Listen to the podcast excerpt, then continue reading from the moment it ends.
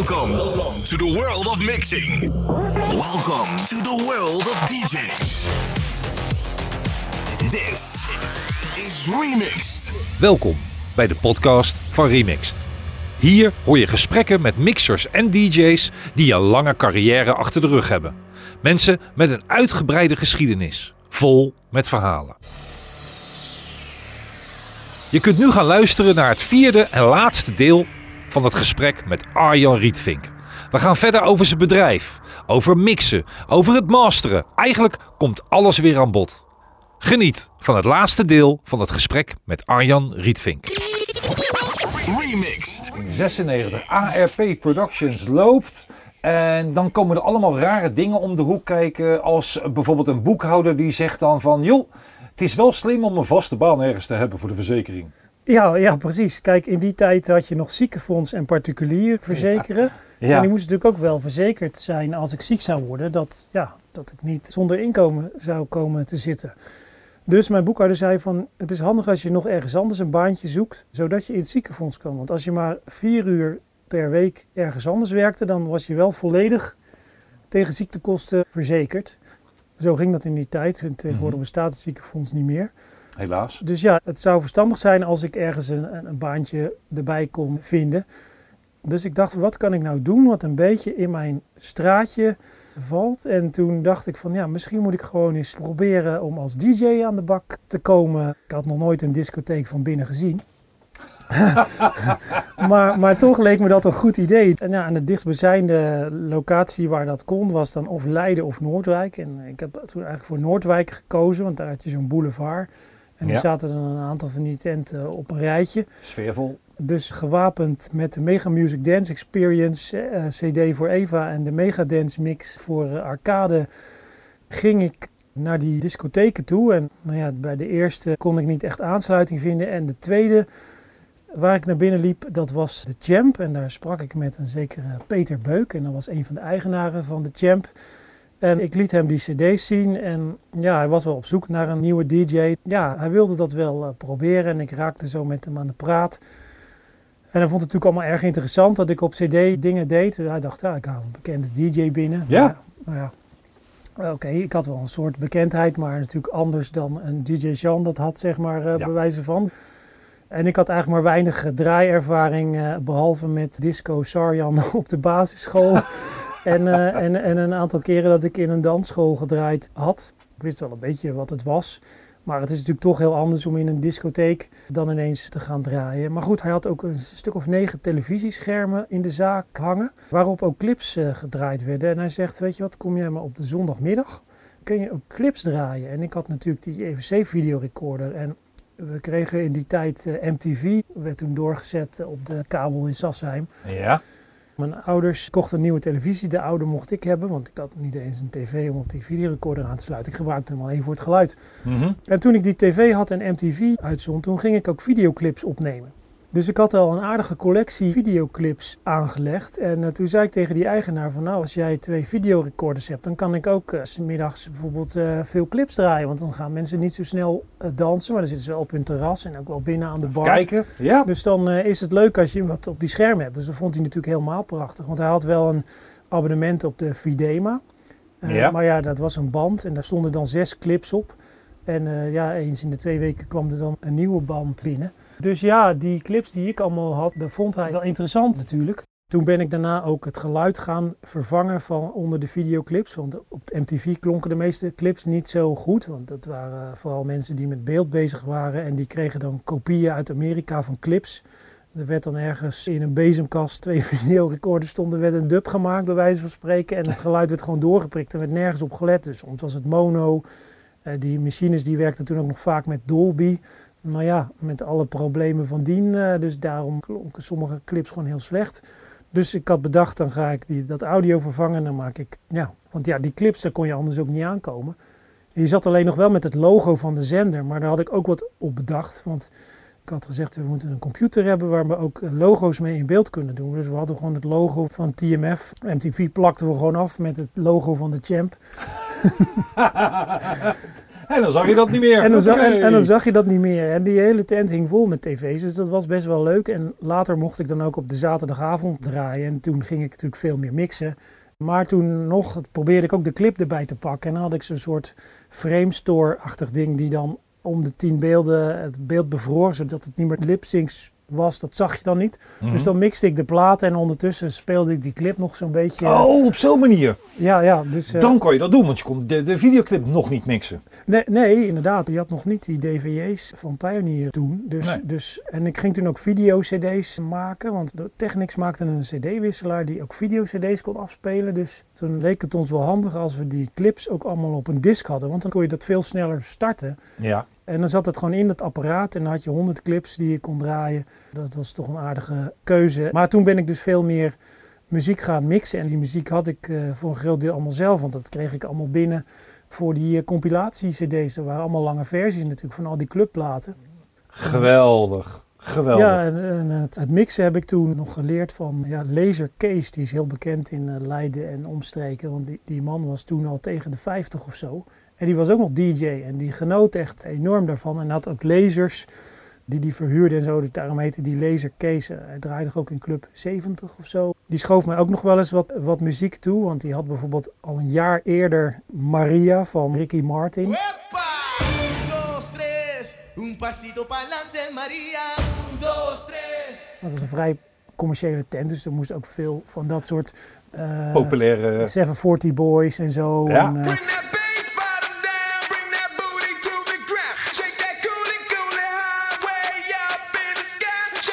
allemaal van die dingen. Dus eh, dan zette hij die plaat op en die hele tent los. En een heel glimlach op het gezicht van die man. had. Tuurlijk. Eh, dus, maar dan kreeg ik vaak ook wat van die exclusieve dingen van hem. Maar dat mocht ik dan niet aan de andere DJ's geven, want die zouden het dan stuk draaien.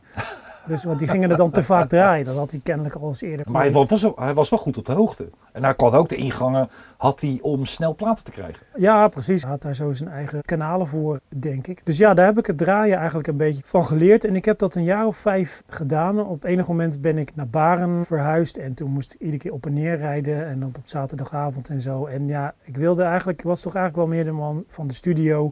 Overdag gewoon mijn dingetje doen. In het weekend gewoon vrij zijn. Ja. Ja, nu met die livestreams gaat dat niet meer helemaal op. Maar dat vind ik ook hartstikke leuk om te doen. Dus dat is ook helemaal niet erg. Maar dat is ook niet iedere week. En dat draaien was natuurlijk wel iedere week. En, Ja, dat sloop het dan. dus dat, werd, gaat- dat werd gewoon een, een beetje te veel. En je bent wel gaan produceren. Ik ben inderdaad gaan produceren op enige moment ook. Dat kwam eigenlijk omdat ik dus voor Loop ook eh, al hun releases masterde. Ze hadden bijvoorbeeld ook het label Transk hadden ze daar. En daar had je Art of Trance, Madagascar bijvoorbeeld op. En, eh, maar goed, ze hadden er ook wat meer club dingetjes die, ze- die ze tekenden. Adrie Blok, eh, de A&R manager van Loop, die kwam vaak over de vloer toen bij mij met, om nieuwe plaatjes te masteren of om radio-edits te maken of, of wat dan ook. Dus die zag ik vaak. Ik kwam er dus achter dat we eigenlijk grotendeels dezelfde muzieksmaak hadden. Dat is dus een beetje de jaren 80 eh, disco, soul-achtige sound. En eh, Adrie die had altijd eh, wel ideeën van wat, ja, hij wilde zelf eigenlijk ook wel platen maken. want hij had goede ideeën met samples die hij dan had.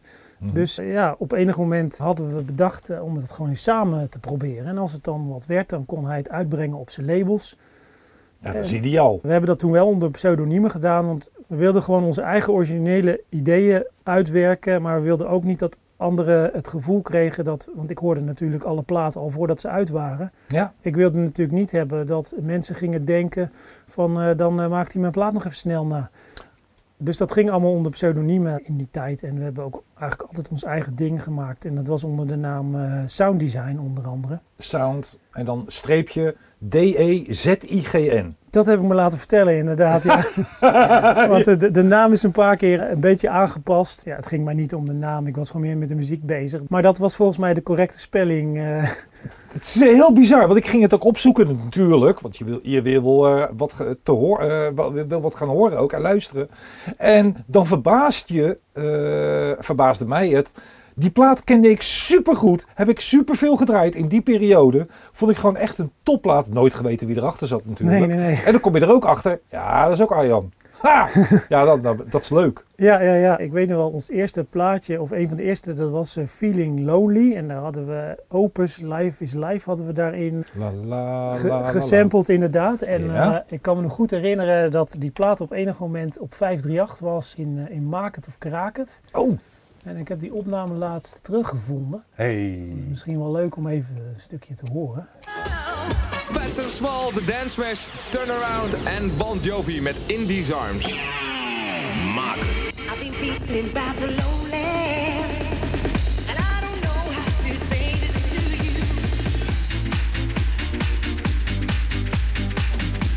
Oh ja. Maken of kraken, het gaat vanavond over Lonely. Feeling Lonely zelfs van Sound Design. Goedenavond, met Emiel de Nieuwe uit Haarlem. Ik wil die ma- plaat maken. Onwijs goede plaat. Ja, hallo, met Reina uit Groningen. Ik wil de plaat super graag maken, want het is echt een heerlijk nu- nummer. Ja, met Hans Schuling, kom uit Amersfoort. En ik wil graag de eh, plaat maken. Ik vind uh, Stip steen goed. Zo. Maken of kraken, Dus, dat is de vraag ehm, van vanavond. dus uiteindelijk werd die plaat voor binnen. Deze is van Kees 84% van de Wereld, eh, gemaakt. Kijk! Dus ja, dat smaakte naar meer. Kennelijk maakten we iets wat de mensen leuk vonden om te luisteren. Dus ja, we hebben veel platen in die tijd gemaakt onder de naam Sound Design. En later ook onder andere pseudoniemen, want het was natuurlijk helemaal in om onder andere namen muziek te Nee maken. joh, dat hebben Koen en Aldi nooit gedaan. Nee, precies. Dus ja, eh, in die periode was in ja, 1999, denk ik zo'n beetje, waren we ook bijvoorbeeld ook regelmatig in Dance Department te horen. Dus je maakte ook platen die helemaal meegingen. Eh, Het was eh, hip, was het ook nog eens. Je maakte niet alleen mixen, niet alleen masteren. Nee, je ging ook zelf dingen produceren. Ja, Je klopt, pakte ja. wel, je wilde echt van alles iets meeplukken. Ja, ja, ja. Ik, ik vind het altijd leuk om, eh, ja, om nieuwe dingen te proberen. En zo wilde ik dit ook eens proberen. Nou ja, dat was gewoon eigenlijk de dingen die op mijn pad zijn gekomen, zijn eigenlijk min of meer ja, bij toeval op mijn pad gekomen. En ik heb er toen iets mee gedaan. En zo ook met dat sound design. En Wat voor succes is het geworden? Wat dit, wat, waar moet ik aan denken? Nou, onze grootste hit was eh, Happiness. En die heeft op nummer 3 in Zuid-Afrika gestaan, geloof Hè? ik. En heeft ook in de charts van de BBC eh, gestaan. eh. Everybody's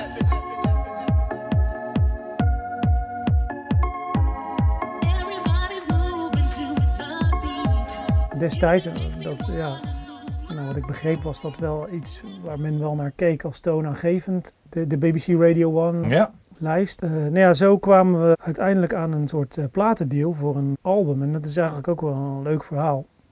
Want eh, Adrie die, ja, was dus ENR voor Loop.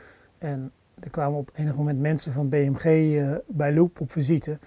En Adrie liet hem zo'n plaatjes uit zijn catalogus horen. En nou ja, leuk allemaal.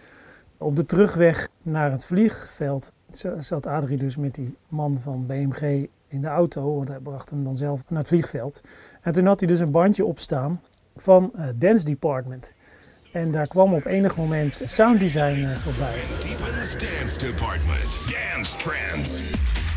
Sound Design staat op 11 met Coming On Strong. En toen zei hij van, eh, wat is dit voor plaat? Kijk, zoiets, dat, daar ben ik nou naar op zoek. Nee! En toen zei Adrie, eh, ja, nou, ik wil die deze plaat eigenlijk niet laten horen, want ik ben natuurlijk ook vooral voor mijn eh, labels bezig en ik wil mezelf niet naar voren schuiven. Dus ik heb hem je eigenlijk om die reden niet laten horen. Maar dit een plaat die heb ik zelf gemaakt met, eh, met Arjan. en ja, dus die wilden ze tekenen en toen hebben we dus een deal gekregen voor een heel album te maken. Dat heb je gedaan. Ja, we, nou ja, we hebben dus die, die deal hebben we getekend. Alleen de, de opvolgers, ja, er waren op dat moment ook allemaal verschuivingen binnen BMG Engeland. eh, waardoor de focus op andere dingen kwam te liggen. En nou, de opvolgers werden steeds afgekeurd. En zo hadden we ook Souvenance, Having a Good Time. Ja. Eh, dat was eigenlijk een sounddesign plaat, maar omdat BMG hem dus afkeurde, zijn we die dus ergens anders uit gaan brengen. Die is dus op Positiva uitgekomen. Oké. Dat is ook best wel een, eh, een bijzonder label, zeg maar. Dus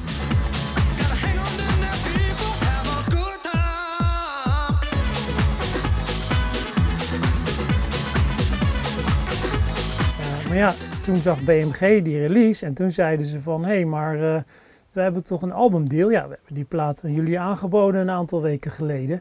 Maar jullie wilden hem niet. Dus, Simpel. eh, ja, dus ja, kijk maar hier, de e-mail. Oh ja, ja, ja. Uiteindelijk is er nooit een album gekomen, eh, maar we hebben wel ja, een mooi voorschot gekregen. dat toch wel? Dus we hebben, ja, we hebben best wel goede zaken gedaan. Op enig moment er kwamen ook DJ-bookings binnen voor sound design. Maar ja, dat hebben we toen toch afgeslagen. Want eh, ja, in welke tijd moesten we dat nog weer eh, doen? Kijk, Adrie had zijn gezin en ik zelf ook. En ik had natuurlijk ook gewoon mijn mastering en mijn mixwerk. Ik kan natuurlijk ook niet nog in het weekend s'avonds platen maken en dan in het weekend ook nog eens ergens gaan draaien. Dus ook daar moest ik weer En je zangcarrière, hoe heb je die verder opgebouwd? nou, dat eh, het is denk ik niet aan te raden om mij te laten zingen. Oh, toch nog iets in de muziek wat je niet hebt gedaan. Nee, en ook iets wat ik niet kan. Een muziekinstrument bespelen. Ja, ik heb gedrumd. Dat wel. Ik wilde vroeger eigenlijk ook wel drummer worden, maar ja, ik wist niet zo goed hoe ik bij een bandje moest komen. Mhm. En ja, dus dat is eigenlijk iets wa- wa- waar ik niet op verder gegaan ben. Maar ik ben wel begonnen met eh, drummen en dat heeft natuurlijk wel geholpen in mijn gevoel voor ritme en m- maten, schema's begrijpen eh, en dat soort dingen. Ja, heel belangrijk. En bij het CD's maken, remixen, zit er altijd een, een, een, een album bij wat je het best is of het meest is bijgebleven door het succes of door het meeste werk. Wat was dat bij jou? Het album, ja, wat het meest bijzondere was, denk ik, in ieder geval voor mij, was Mix of the Century CD's. Ja, Ik, eh, twee heb- delen toch? Twee, het is uiteindelijk twee delen. Ik heb ze hier nog, eh, nog liggen. Het eerste deel is uitgekomen bij Universal, to- toen nog onder de naam Polygram. En het tweede deel bij ABCD. Hè? En, Twee eh, verschillende. ja, ja, want Universal die had dus deel 1 gemaakt, maar daar waren er best veel van verkocht, maar voor hun gevoel te weinig. Aha. Het was wel eh, veel meer dan 10.000 stuks, maar in die tijd waren ze gewend aan, eh, aan aantallen van 50.000 eh, of meer. Dus ze hadden niet zo'n zin in deel 2, maar ABCD die wilde dat wel. Dus daar is het tweede deel heen gegaan. Universal kwam dus naar mij toe voor deel 1 en die heeft mij gekoppeld aan eh, Ruud Zegwaard. Die is eh, de bedenker van dit eh, concept. En die heeft volgens mij ook nog BVD-mixen gemaakt.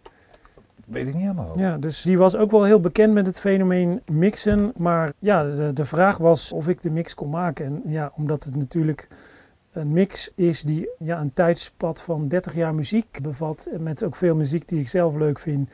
Wilde ik dat natuurlijk graag doen. En toen Was de moeilijkheid dan? nou, de moeilijkheid zat hem natuurlijk in het feit dat het allemaal hele verschillende, eh, ja, diverse tracks waren uit verschillende tijds, Generaties. generaties. En ja, in die tijd, eh, wanneer hebben we dit gemaakt eigenlijk? Ik denk rond de, rond de eeuwwisseling of zo. Even te kijken of ik het jaartal kan vinden. Maar toen had je in ieder geval nog geen Ableton. Strak trekken was nog niet van toepassing. Dus, dus alles moest met de hand strak gemaakt worden. Dat deden we wel in de computer, maar je moest dus heel veel knipjes zetten. En dus het was best wel een puzzel om te maken. Want ja, ja Ruud had alle platen eh, uitgezocht. Die moesten dan gekleerd worden. We kregen niet alles gekleerd. Dus uiteindelijk wat er overbleef eh, was gelukkig nog een hele goede tracklist. Mhm. Eh, maar dat kwam ook omdat Universal daarachter zat. Die hadden natuurlijk zelf ook veel goede platen. En die hadden natuurlijk ook, die konden makkelijker ook materiaal ruilen, denk ik, met andere partijen. Ik had ook graag 5 star erop gehad, maar dat ging dus niet. Jammer. In die tijd die stond ook op de lijst van Ruud. Maar die zat bij BMG en die deden eigenlijk vrijwel niets uit licenseren in die tijd. Dus ja, dus er waren ook platen bij, die waren een beetje off-limits. Maar ik denk dat het toch wel een hele leuke tracklist nog eh, geworden is. Heel gevarieerd. Heel gevarieerd inderdaad. En ja, voor mij natuurlijk een hele grote uitdaging. Want ik maakte natuurlijk al die jaarmixen. En nu kon ik een soort ja, eeuwmix maken. Of hoe zeg je het? Eh, ja, in ieder geval een periodemix. Ja. Dus ik had er natuurlijk heel erg veel zin in. En ja, ik denk dat ik met die cd misschien wel anderhalve maand eh, uiteindelijk bezig ben geweest. Wauw. Misschien nog wel wat dingen tussendoor gedaan. Maar Maar dat is dus niet alleen maar het mixen aan zich, maar ook het masteren. Zorgen dat de levels, omdat het ook nog eens uit verschillende eh, jaargetijden was, eh, moest je ook nog eens een keertje goed je, je mastering doen. ja, klopt. Ja, ja. En dan het mixen, was de mix zelf, is die ook iets waar je dan extra trots op bent? Ja, zeker wel. Want dat, ik dacht toen van dit is mijn kans om nog één keer een hele gave mix met die eh, muziek uit het verleden eh, te maken. Ja. Dus ja, daar wilde ik natuurlijk wel ook eh, tot het gaatje voor gaan en tot in detail. En de overgangen ja, waren soms makkelijk, maar soms ook heel lastig. En er is één overgang die is me altijd bijgebleven. En dat is de overgang van Communards, Don't Leave Me This Way, naar Frankie Goes to Hollywood. Oh ja, ja, ja, ja. ja. Want ik, eh, die Communards platen zat ik eigenlijk een beetje mee in mijn maag. Want ja, die plaat die heeft niet echt een einde. Want die plaat die gaat, die begint in een lagere key en dan schakelt hij daarna om naar een hogere key en dan zingen ze het nog een keer en dan heb je ergens een fade-out. En er is niet echt, die plaat wordt niet echt meer afgebouwd of zo, die wordt gewoon uitgefade. Dus ik denk, wat moet ik hier nu mee? Dus ik had hem al steeds een beetje voor me uitgeschoven. Ik dacht, nou ja, desnoods eindig ik de cd ermee, maar ik vind het nooit zo chic om met een fade-out te eindigen. Ik vind het altijd mooier als iets gewoon met een ja, afbouwt en met een klap eindigt. Dus ja, ik zat zo'n beetje met die, met die platen worstelen. En nou ja, toen kwam ik dus op het volgende idee. Ja, daar komt hij.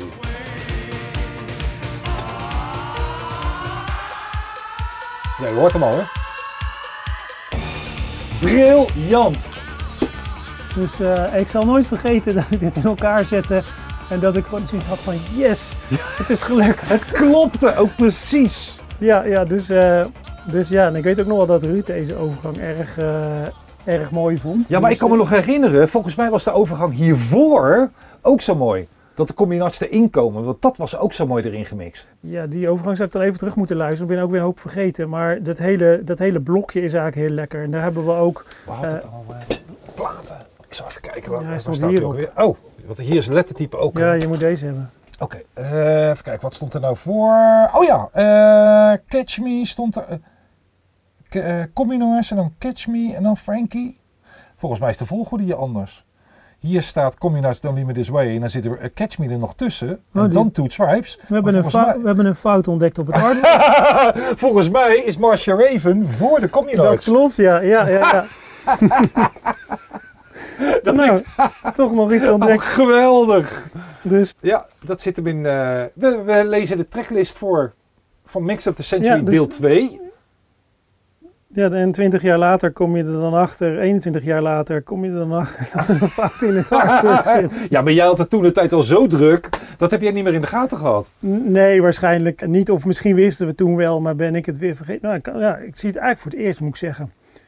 Maar ja, wat ik in deze mix dan ook eh, gedaan heb, bijvoorbeeld die beats van Frankie Goes to Hollywood. Ik had daar een speciale singlecassette van. Dat was een mix toen van Two Tribes en die was alleen op singlecassette uit. En daar hadden ze alle beste stukjes uit de, alle versies die er waren gecombineerd tot een iets van 17 minuten durende mix. Wauw. Er zaten ook interviews voor met de band.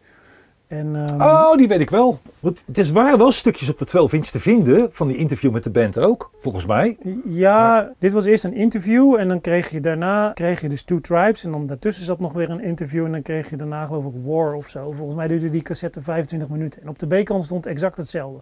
Oké. En dat was een van mijn eerste eh, 12 inches die ik kocht, alleen op cassette dan dus. Maar dat is een van de meest eh, briljante versies van het nummer, eh, sowieso vanuit die periode die ik ken. Dus toen die Frankie Goes to Hollywood eh, erop mocht, eh, toen wilde ik daar ook een stuk van laten horen ja. omdat daar een aantal bijzondere dingen in gebeuren die je niet in de radio-edit terug hoort. En die ook niet eens in de 12 inch zitten. Dus dat vond ik gaaf om juist dat stukje dan op die cd eh, te gebruiken. Maar die beat, die heb ik dus ook eerst helemaal uit elkaar gehaald. Zodat er alleen nog hi-hatjes overbleven. Dus ik begin dan met die hi-hatjes in een paar platen eerder al langzaam te komen. En dan bouw ik die beat steeds verder op tot, tot en met in de communards. En dat die dan daarna helemaal losgaat in die plaat. Maar dat waren dan trucjes Geweldig. die ik deed. En- Aanrader, de Mix of the Century, dames ja, en als je hem heren. nog eh, kunt vinden, op Discogs eh, kun je hem vast nog wel vinden. Ja, dat is, dat is wel een van de cd's waar ik eh, in ieder geval erg blij mee ben dat ik ze mocht doen. En ook nog bedankt Ruud dat je destijds het vertrouwen had om mij dit te laten maken. Gaaf. Dus, eh, Als we het hebben over mixen, wat is, en dan heb ik het niet over je eigen, eigen mixen, maar eh, als je een, een willekeurige beste mix aller tijden zou moeten noemen, waar kom jij dan zelf op uit? Van iemand anders? Ja, een heel geëikt antwoord zou natuurlijk zijn de Grand Mixen. 1985 tot eh, 1987 of zo. Dat vind ik toch wel een van de betere, zo niet de beste mixen die van die periode gemaakt zijn. En waarom? Omdat in die tijd de platen gewoon nog gemixt werden zoals ze waren. Ja. En dat het niet te veel verbouwd werd, maar dat er toch een heel verhaal ontstond van over dat jaar met alle muziek die er toen was. Eh, maar dat alle platen ook heel goed op zichzelf herkenbaar eh, waren. En dat vind ik zelf altijd de mooiste manier van mixen. En dat was precies hoe Ben dat deed in die tijd. Maar wat ik ook altijd een erg goede mixer vond, dat was eh, Raymond Adriaans. Dat is bijzonder. Die maakte eh, ook veel eh, BVD-mix. Die heeft ook eh, een paar keer de jaarmix gemaakt volgens mij. Maar die, Dat weet ik niet hoor. Die- Ik oh. weet wel in de bootlegs, die ken ik van hem. ja, Maar Nou ja, misschien ook niet. Maar in ieder geval hij was wel vaak in de BVD te horen. Alleen hij is nooit doorgegaan daarmee. Maar ik denk dat hij zeker ver had kunnen komen als hij het wel gedaan had. Ja, de mix. Ik weet dat hij toen een keer een jaarmix gemaakt had. Ja. Ehm, maar die heeft Ferry nooit als jaarmix uitgezonden. Maar die heeft hij in twee stukken opgeknipt. En het begin en het einde is toen uitgezonden geweest. En ik, ik zal eens kijken wat ik erbij heb staan. Want ik heb hier nog wel ergens in het archief zitten, denk ik. Eh, anders plakken we die gewoon er nog tussen. In het kader van de door de regering beschikbaar gestelde zendtijd voor de Bond van Doorstarters volgt nu een uitzending van de Bond van Doorstarters. Door, door, door, door, door, door, door, door, doorstarters.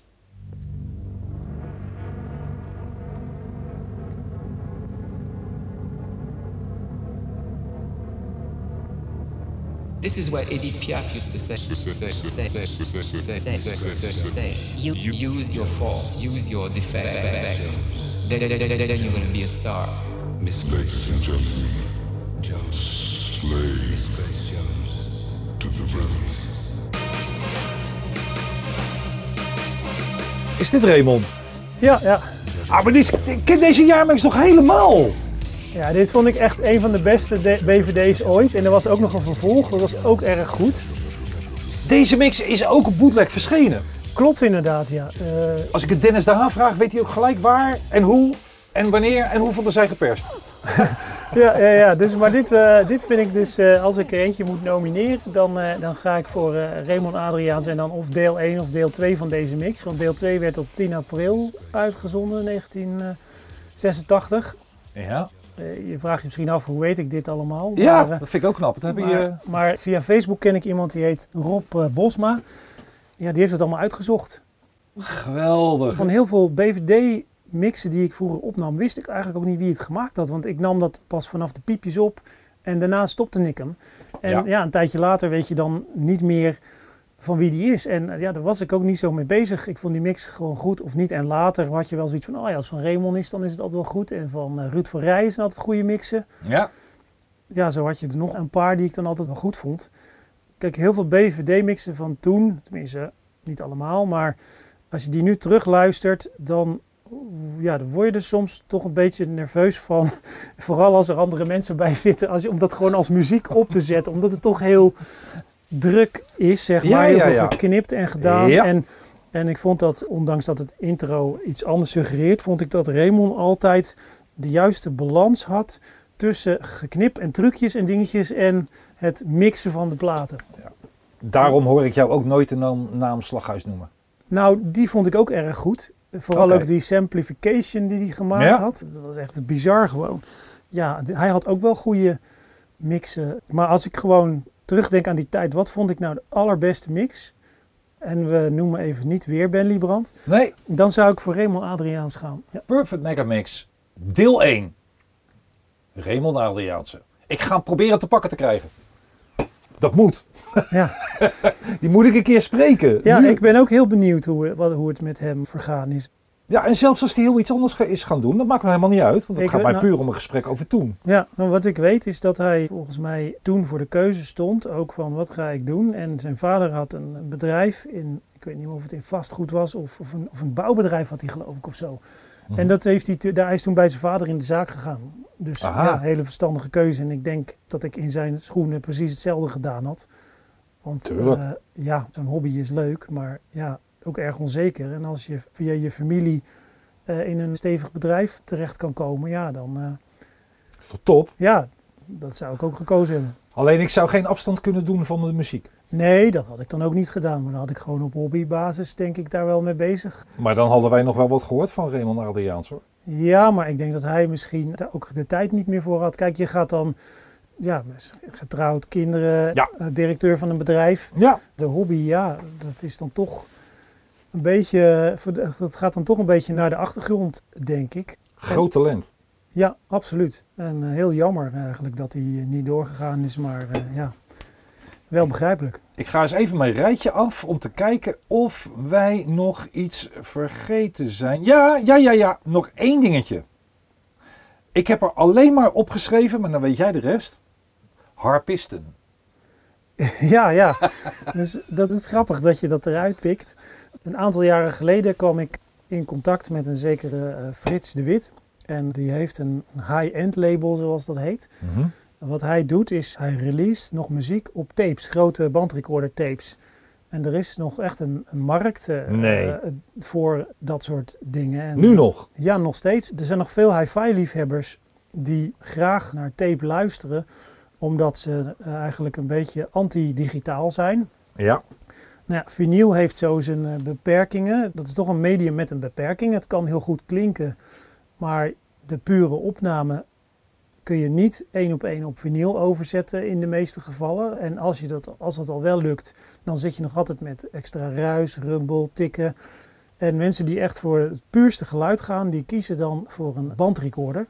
En er worden zelfs ook nog weer nieuwe bandrecorders eh, gemaakt. Eh, Torens die maakt er bijvoorbeeld één. Dat is ook wel bekend van draaitafels. Een beetje exclusief merk, waar het is niet zo bekend als Sony of zo, of, of Denon of Akai. Of...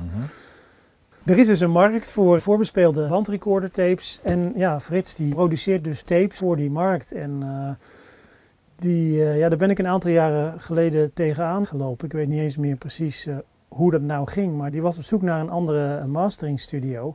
Het leek me ook wel leuk om ook eens een keer met totaal andere muziek iets te doen. En ook juist omdat dat dan eens een keer niet keihard geklipt hoeft te worden. Want ja, dat komt hier natuurlijk ook eh, veel voor. De moderne tijd wil iedereen het toch zo hard mogelijk. En dit is juist het tegenovergestelde. Er worden ja, hele pure opnames gemaakt van ja, eh, jazz of klassiek. En hij heeft daar zo zijn eigen methode voor. En ja, dat komt hij dan hier masteren. En zo had hij dus ook een harpistengroepje opgenomen. Die zijn in Engeland redelijk bekend in die scene daar. Ja, die eh, kwamen op een goede dag hier naartoe om de opnames te editen. En ja, dat is dus eigenlijk een totaal andere wereld. Ja, dan de hardstyle en de dance en de club. En, en de mixen. Maar ook wel weer heel leuk om te doen. Want ja, als liefhebber van goed geluid vind je het ook leuk soms om met hele pure opnames iets te kunnen doen. Om te kijken waar daar de grenzen weer liggen. En om daar een zo voor die doelgroep puur mogelijk geluid mee te maken. Ja. Ehm, op het moment dat je in een, met een vaste tracklist te maken hebt, kom je altijd op stukjes dat platen niet te mixen zijn. Ja, inderdaad. Kijk, zo'n platenmaatschappij die stelt de tracklist samen. En daar moet je het mee doen. En dan heb je soms ja, platen die, ja, die qua tempo gewoon te ver uit elkaar liggen om iets mee eh, te doen. Dat was dan voor die mega dance mix van Arcade. Ja. Daar hadden ze een aantal tracks en ik had er op enig moment nog één over. En dat was Jump for Joy van Too Unlimited. En daarvoor zat een plaat van Snap, uh, Ramee heet die geloof ik.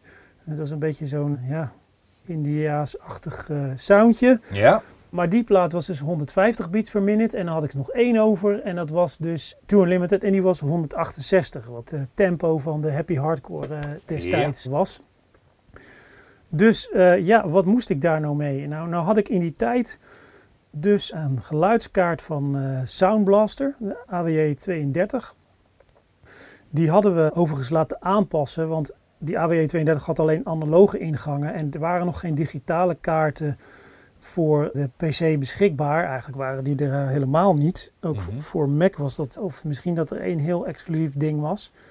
Maar goed, ik werkte dus vanaf PC in die tijd met het programma SAW. En ja, als ik natuurlijk digitaal dingen kon inlezen vanaf dat en CD, dan ja, was dat natuurlijk weer een kwaliteitsslag die ik kon maken. En Ja. de meeste studio's die konden niet digitaal editen. Dus ik dacht, als ik dat nou kan, dan heb ik weer een streepje voor ja, op, op andere partijen die, die hier iets mee doen. En eh, zo kende ik iemand en die heet Henk Schaken. En dat is, die was ontzettend technisch en die kon chips programmeren. En nou, het was voor mij, ondanks dat ik ook aardig met elektronica kon rommelen, was het voor mij echt zes bruggen te ver wat hij allemaal deed. Ja. Maar hij kon het allemaal en hij heeft toen de wordklok en het datasignaal, waaruit een digitaal signaal bestaat, wist hij af te takken uit die geluidskaart die dus alleen analoog was. Maar hij pakte die digitale signalen. We hadden een soort ja, dochterbordje noem je dat. Een kaart naast de andere kaart. Dus, Dochterbord ja, naast het moederbord. Die hadden we de, ja, precies. Die hadden we dus zelf gebouwd. Althans, dat had hij dus helemaal ontwikkeld. Zodat ik het geluid digitaal van en naar de computer kon sturen. Ja. Zodat ik dus echt verliesvrij dingen kon opnemen en weergeven. Maar die geluidskaart had nog iets anders. Die had ook een sampler aan boord, waar je geloof ik 16 MB aan samples in kwijt kan, eh, kon. Je kon dat, die kaart volgens mij toen uitbreiden met geheugenchips die normaal op je moederbord gingen, maar die kon je ook op die kaart zetten. En dan kon je iets van, ja, mis- misschien was het wel 32 MB. Volgens mij zaten er ook nog zelfs ge- geluiden in die kaart. Maar in ieder geval dacht ik van wat moet ik nou met die overgang van 150 naar 168? En toen dacht ik van als ik nou in MIDI zelf een soort bruggetje maak van de een naar de andere plaat, dan kan ik langzaam het tempo verhogen zonder dat de toonhoogte omhoog gaat. Want dat kon in die tijd niet. Je kon in die tijd niet, zoals je nu kan doen, het, eh, de toonhoogte vastzetten en dan gewoon maar 10% omhoog doen en dat het dan nog best aardig klinkt. Ja. Dat kon toen allemaal niet. Dus ik had toen bedacht, ik moet een soort tussenstukje bouwen van Snap naar eh, To Unlimited. En ik heb toen allemaal stukjes uit, uit die nummers van die tijd gesampled.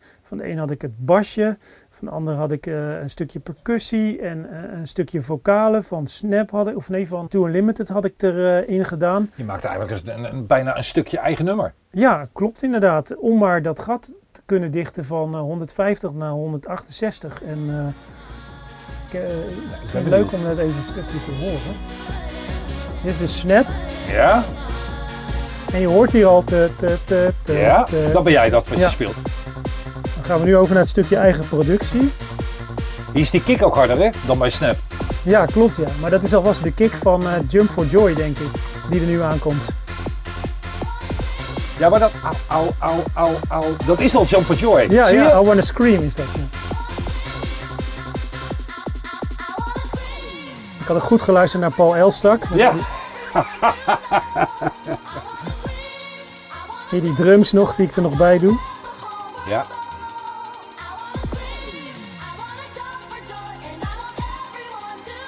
Gaaf hoor. Dus en dan... eh Gave remix. Ja, dan ga je, ja, dan ga je daarna over naar de, naar de plaat zelf, hier ergens. En dan zitten we op de 168. Gaaf. Waar je trouwens een pure digidance sound ook hoort volgens Ja. mij. Die drummen, die, ja.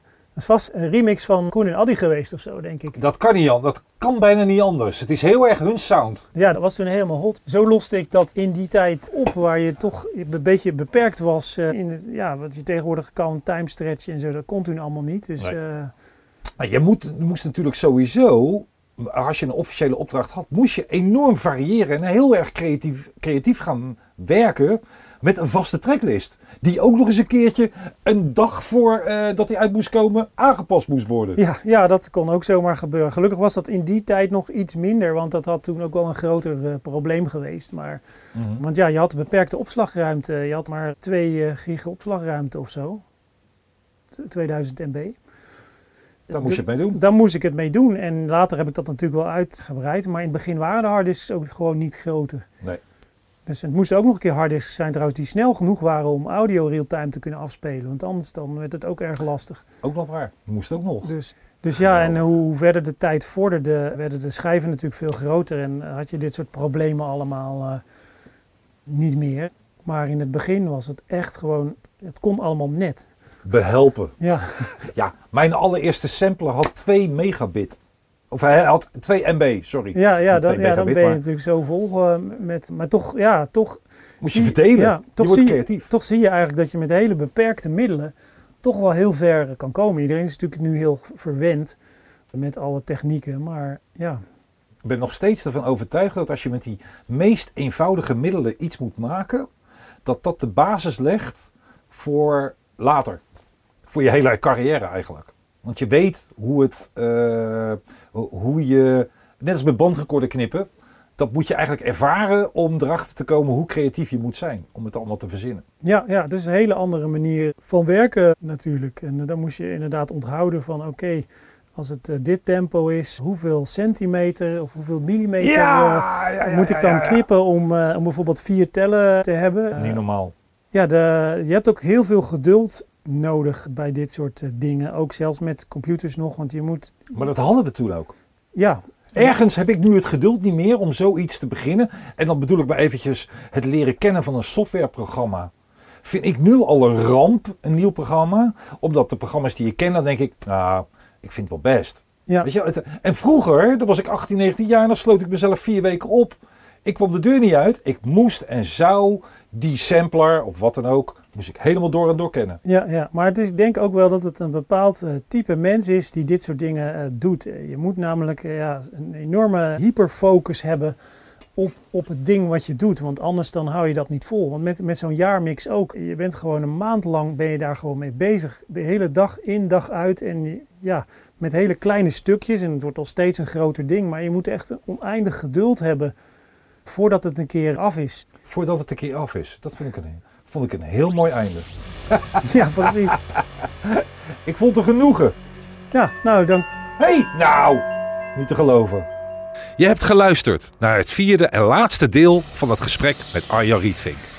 Meer gesprekken vind je in de complete podcastserie van Remixed, die regelmatig wordt aangevuld met nieuwe gesprekken. Check ook de radioshow Remixed en word lid van onze Facebookgroep. Zoek gewoon op Remixed, dat is R-M-X-D.